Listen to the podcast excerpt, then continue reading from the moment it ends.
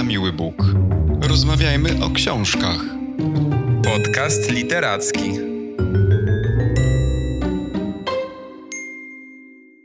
Cześć, dzień dobry, witajcie w 25 odcinku naszego podcastu.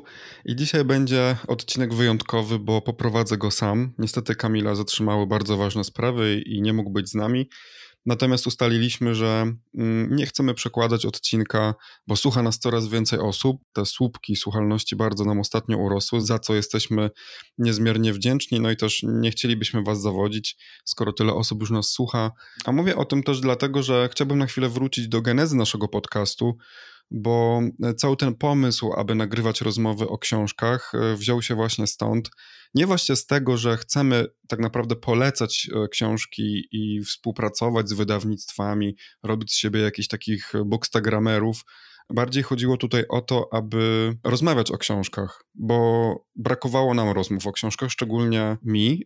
Ja od wielu lat mieszkam e, poza Polską i spotykam oczywiście rodaków, natomiast nie zawsze jest tak, że mogę z nimi o książkach porozmawiać, no, bo albo nie czytają, albo po prostu nie czytamy tych samych tytułów, e, o co zresztą bardzo łatwo w takim e, zalewie literatury, z jakim obecnie mamy do czynienia.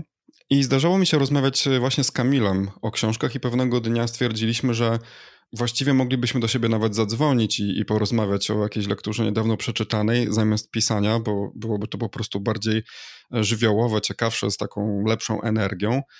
No ale później doszliśmy do wniosku, że skoro już rozmawiamy, to właściwie czemu by tego nie nagrać i gdzieś puścić w świat, tym bardziej, że też e, nagrywanie i, i, i mówienie i publikowanie tego dalej było też dla nas takim no, życiowym challenge'em. E, mówię o tej genezie właśnie dlatego, że e, dzisiaj muszę poprowadzić odcinek samodzielnie i to jest dla mnie zupełnie nowa rola i też taka, której intuicyjnie już to czuję, nie za bardzo lubię. Wydaje mi się to trudno mówić samemu o książce. Wolałbym zdecydowanie rozmawiać, ale postaram się godnie zastąpić Kamila, będę się dwoić i troić. Szczególnie, że dzisiaj będę mówić o książce, E, autorki, którą uwielbiam. Jestem jej wielkim fanem. Jest to Gorzko Gorzko Joanny Bator. Mogę powiedzieć, że to jest moja ulubiona polska pisarka. Oczywiście bardzo często mówię tak też o Olce Tokarczuk, e, którą niezwykle cenię, zresztą chyba wszyscy ją cenimy. Natomiast z Joanną Bator mam jednak takie sentymentalne połączenie, to znaczy jej powieść Ciemno prawie noc to była książka, od której zaczęła się moja fascynacja fikcją literacką. I to była pierwsza powieść, po którą sięgnąłem po bardzo, bardzo długiej przerwie. Mówiliśmy o tym też trochę w tym odcinku o czułym narratorze Olgi Tokarczuk, gdy wspominaliśmy swoje historie z literaturą, z początkami literatury. No i jeżeli ktoś z Was czytał e, książkę Ciemno prawie noc, może sobie wyobrazić, jakiego szoku doznałem, ponieważ ja nie miałem naprawdę absolutnie zielonego pojęcia, że takie rzeczy można robić w literaturze E, jakie zrobiła Joanna Bator w tej powieści, zresztą nagrodzonej literacką Nagrodą Nika.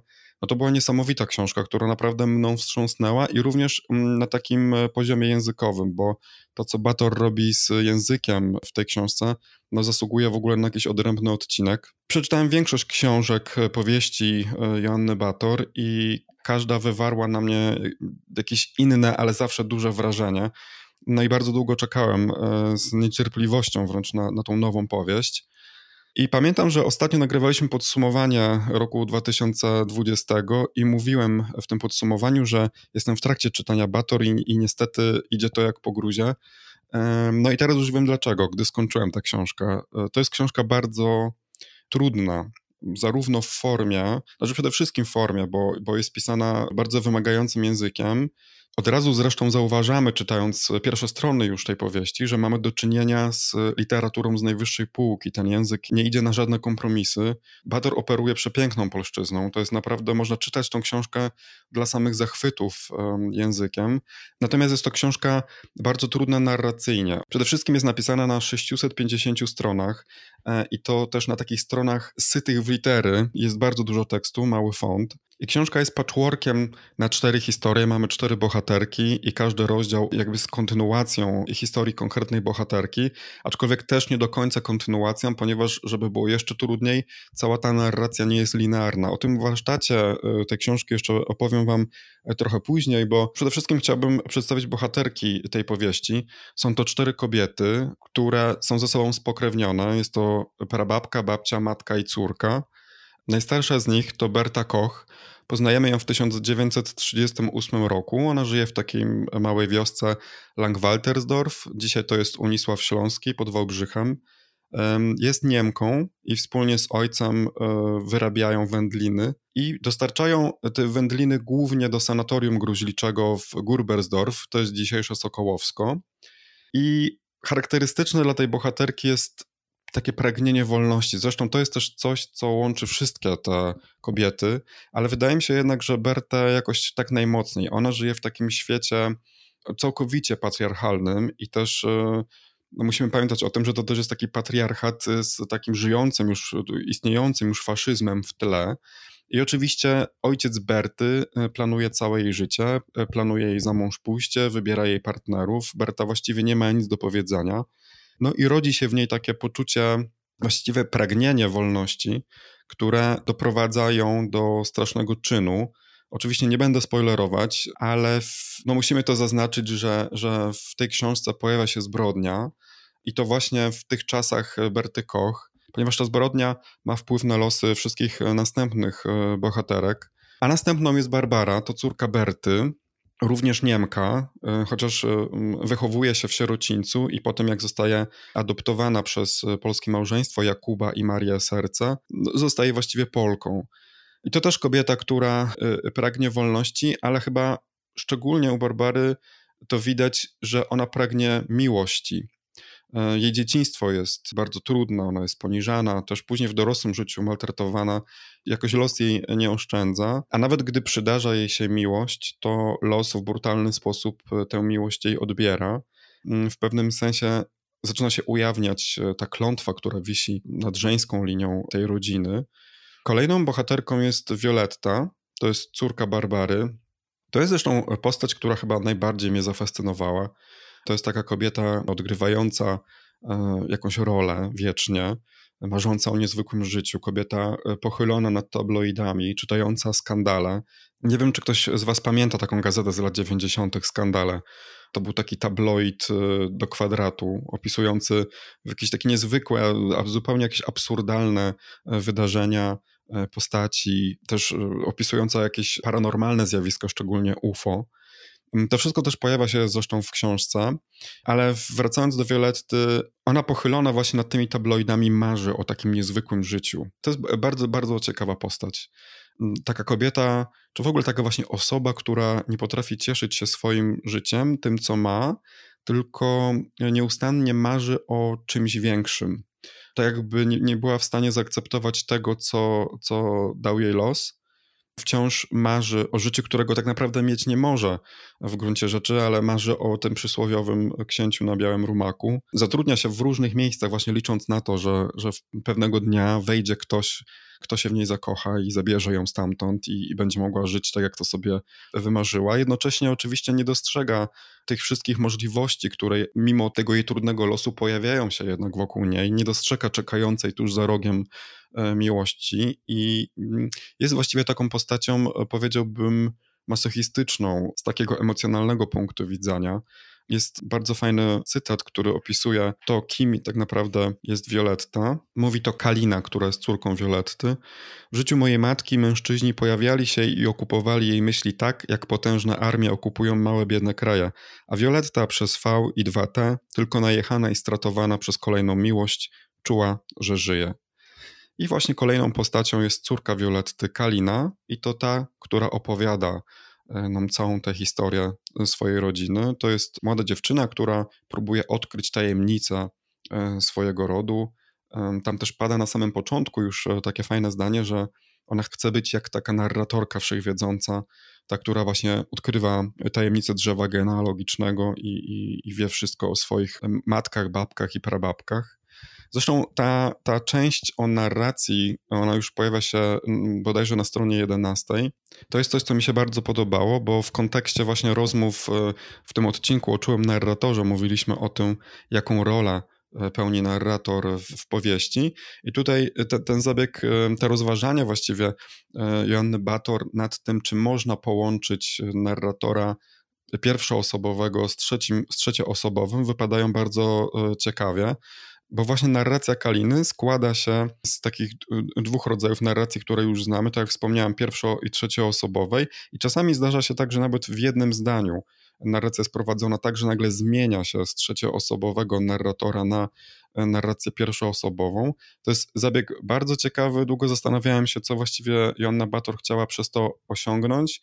No już wydaje mi się, że jest to jakaś taka próba złagodzenia tego narratora pierwszoosobowego, tego ja, które bardzo często opowiada nam jakieś historie, szczególnie teraz. To też jest to, to, o czym mówiła Tokarczuk, że ten współczesny świat no właściwie składa się z takich pierwszoosobowych narracji, nawet w tych, które prowadzimy na Instagramie czy innych e, mediach społecznościowych, ale one mm, są niezwykle subiektywne i też takie niezwykle przytłaczające i bardzo skoncentrowane jednak na sobie.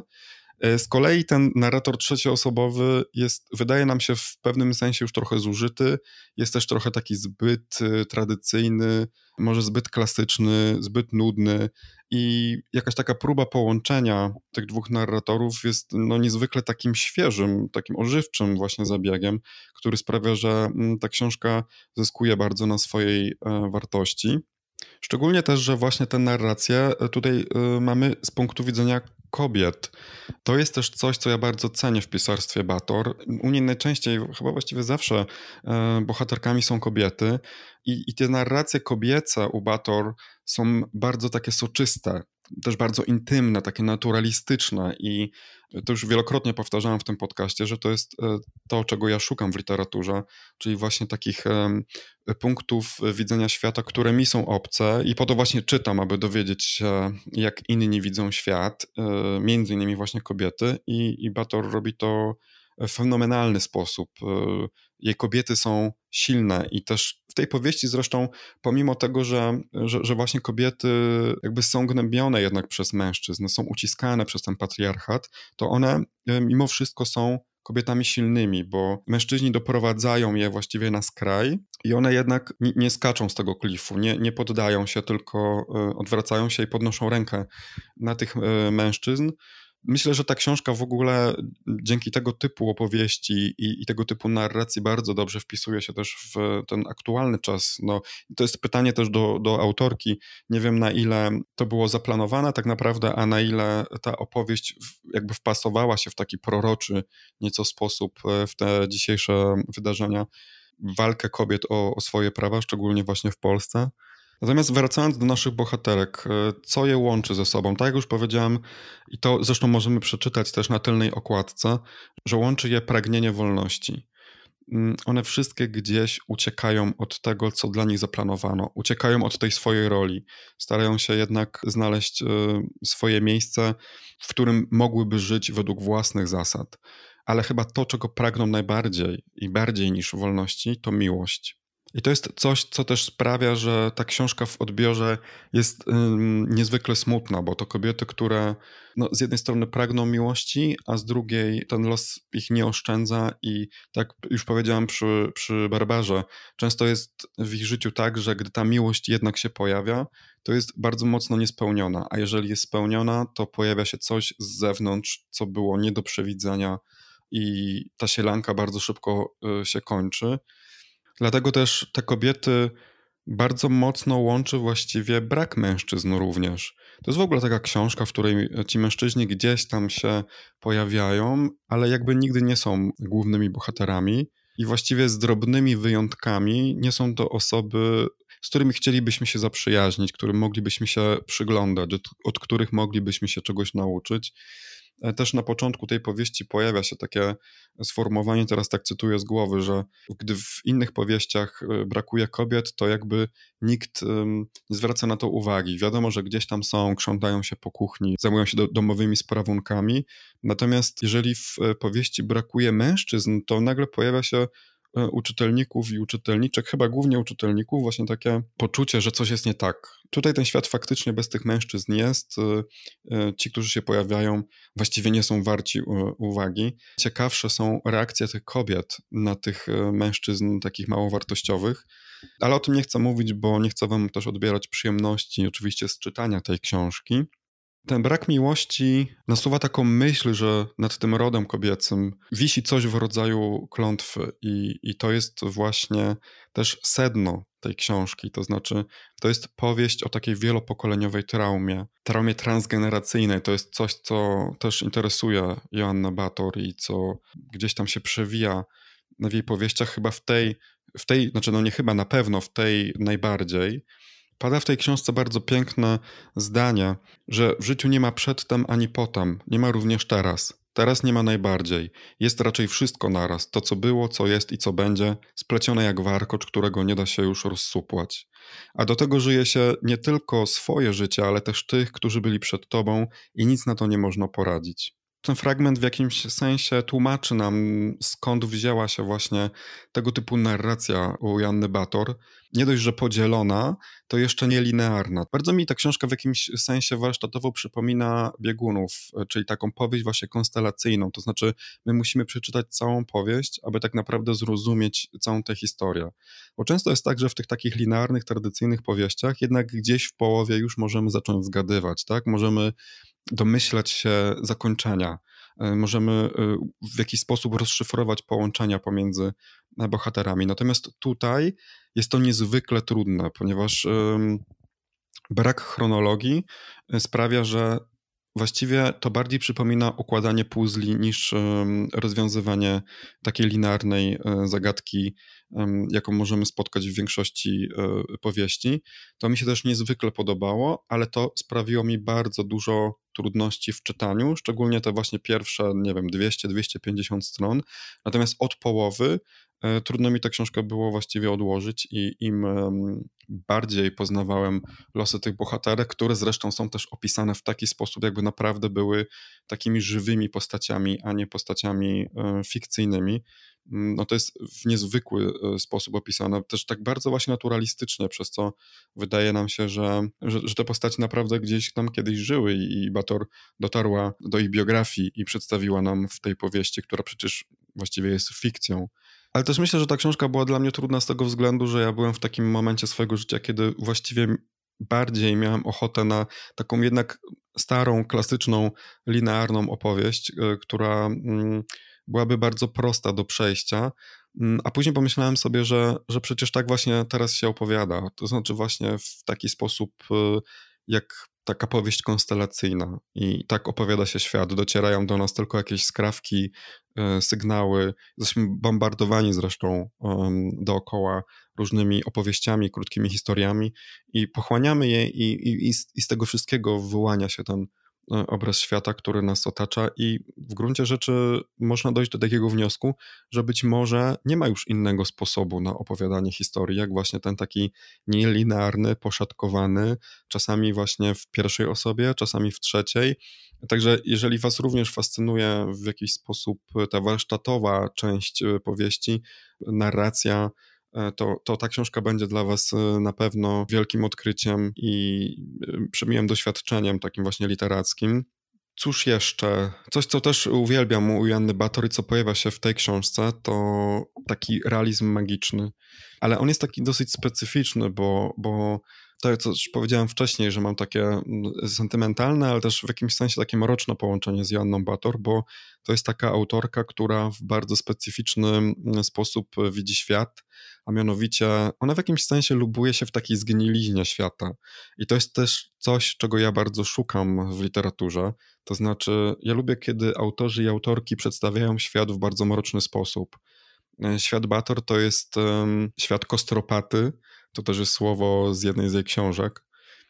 To jest świat, w którym funkcjonuje ektoplazma, drugie słowo, ale to też jest świat, w którym na przykład ziemia jest błotnista, żarłoczna, w którym wilki wychodzą z lasów e, i przypatrują się ludziom. E, jest tam u niej takie dziwne, e, niepokojące napięcie, które ja uwielbiam w literaturze. I też te postaci, które się pojawiają, najczęściej są jakieś takie brudne i posługują się też takim językiem, który Mm, jak to kiedyś Bator bardzo fajnie i trafnie określiła, to są takie zgniłe obrzeża języka. Ona zresztą w swoich powieściach e, bardzo często używa i posługuje się właśnie takim językiem, który jest niezwykle e, czytelniczo atrakcyjny, bo to jest język zupełnie mi obcy. I tak na przykład w, e, w Ciemnoprawie Noc tam mieliśmy całe pasaże takich tekstów, które właściwie były zapisem czatów internetowych i, i tego, w jaki sposób ludzie pałali do siebie nienawiścią. Niezwykły jest ten słuch literacki u Bator. W Roku Królika teraz mi się przypomniało, E, były też fantastyczne w ogóle jakieś takie zapiski z tabloidów. Tutaj język jest, myślę, że w jakimś sensie, nie, nie lubię używać takich dużych e, słów, ale w jakimś sensie Bator chyba przeszła samą siebie i wspięła się jednak na takie literackie wyżyny. Myślę, że wielu osobom ten styl może ciążyć. Mnie ciążył, mimo że uwielbiam pisarstwo Joanny Bator, to na początku trudno mi się było jakoś tak wbić w tę książkę to jest też taka książka, która po prostu musi trochę się odleżeć w człowieku i teraz właściwie mam ochotę przeczytać ją jeszcze raz, mm, ale wracając do realizmu magicznego, bo się rozgadałem i tak to właśnie jest, jak nie ma Kamila, który nie może mnie przystopować. Pojawia się tutaj właśnie taki realizm magiczny e, w tej powieści. Mamy na przykład głos ducha Zbyszka Papugi, który jak to papuga, powtarza nieustannie słowo Kilimandżaro, bo to góra, na którą kiedyś chciał, e, marzył, żeby na nią wejść. Pojawia się też jasnowic Bazyl Ochenduszko, mamy takie seansy e, z wywoływaniem duchów. E, I jest też taka pewna baśniowość w tej opowieści Berty, która zaraz obok opowieści Violetty wydaje mi się najciekawszą historią. No cóż, jest to książka, którą e, z czystym sumieniem mogę Wam polecić i na długie zimowe wieczory, wciąż jeszcze trwające, z bardzo ciekawą okładką, z tymi kwiatami na takim mrocznym, właśnie ciemnym tle. Ostatnio widziałem takie zdjęcie, nawet nie wiem, czy nie na profilu facebookowym Joanny Bator. W księgarni stała książka Gorzko Gorzko tuż obok czułego narratora, który przecież też na e, swojej okładce ma kwiaty, a jakże zupełnie inna wymowa i właśnie no to jest coś, za co właśnie ja kocham Joannę Bator, za ten rok, który czai się gdzieś tam w tle. Tak jest na okładce, tak jest zresztą też w tytule, bo przecież nie wiem, co dla was oznacza gorzko gorzko. Dla mnie pierwsze skojarzenie w moim przypadku to, to, to było oczywiście to, co krzyczy się na weselu. Natomiast w tej powieści Gorzko Gorzko to to, co w dzieciństwie krzyczyliśmy do na przykład os przylatujących do, do słodkich rzeczy. Chcieliśmy w ten sposób sprawić, aby E, owady odleciały i nas przypadkiem nie urządliły. E, w tej powieści oczywiście jest to literacko przetworzone na też takie zaklęcie e, jednej z głównych bohaterek, która w ten sposób no, chce też odgonić od siebie wszelkie nieszczęścia. Bardzo polecam Wam tę książkę. Jeszcze raz żałuję, że Kamil nie mógł być dzisiaj z nami i odsłucha sobie ten odcinek na pewno razem z Wami. E, tymczasem ja żegnam się. Dziękuję za to, że jesteście z nami, że nas słuchacie, e, że wytrzymaliście do końca i zapraszam za tydzień. Do usłyszenia. Na miły Bóg. Rozmawiajmy o książkach. Podcast literacki.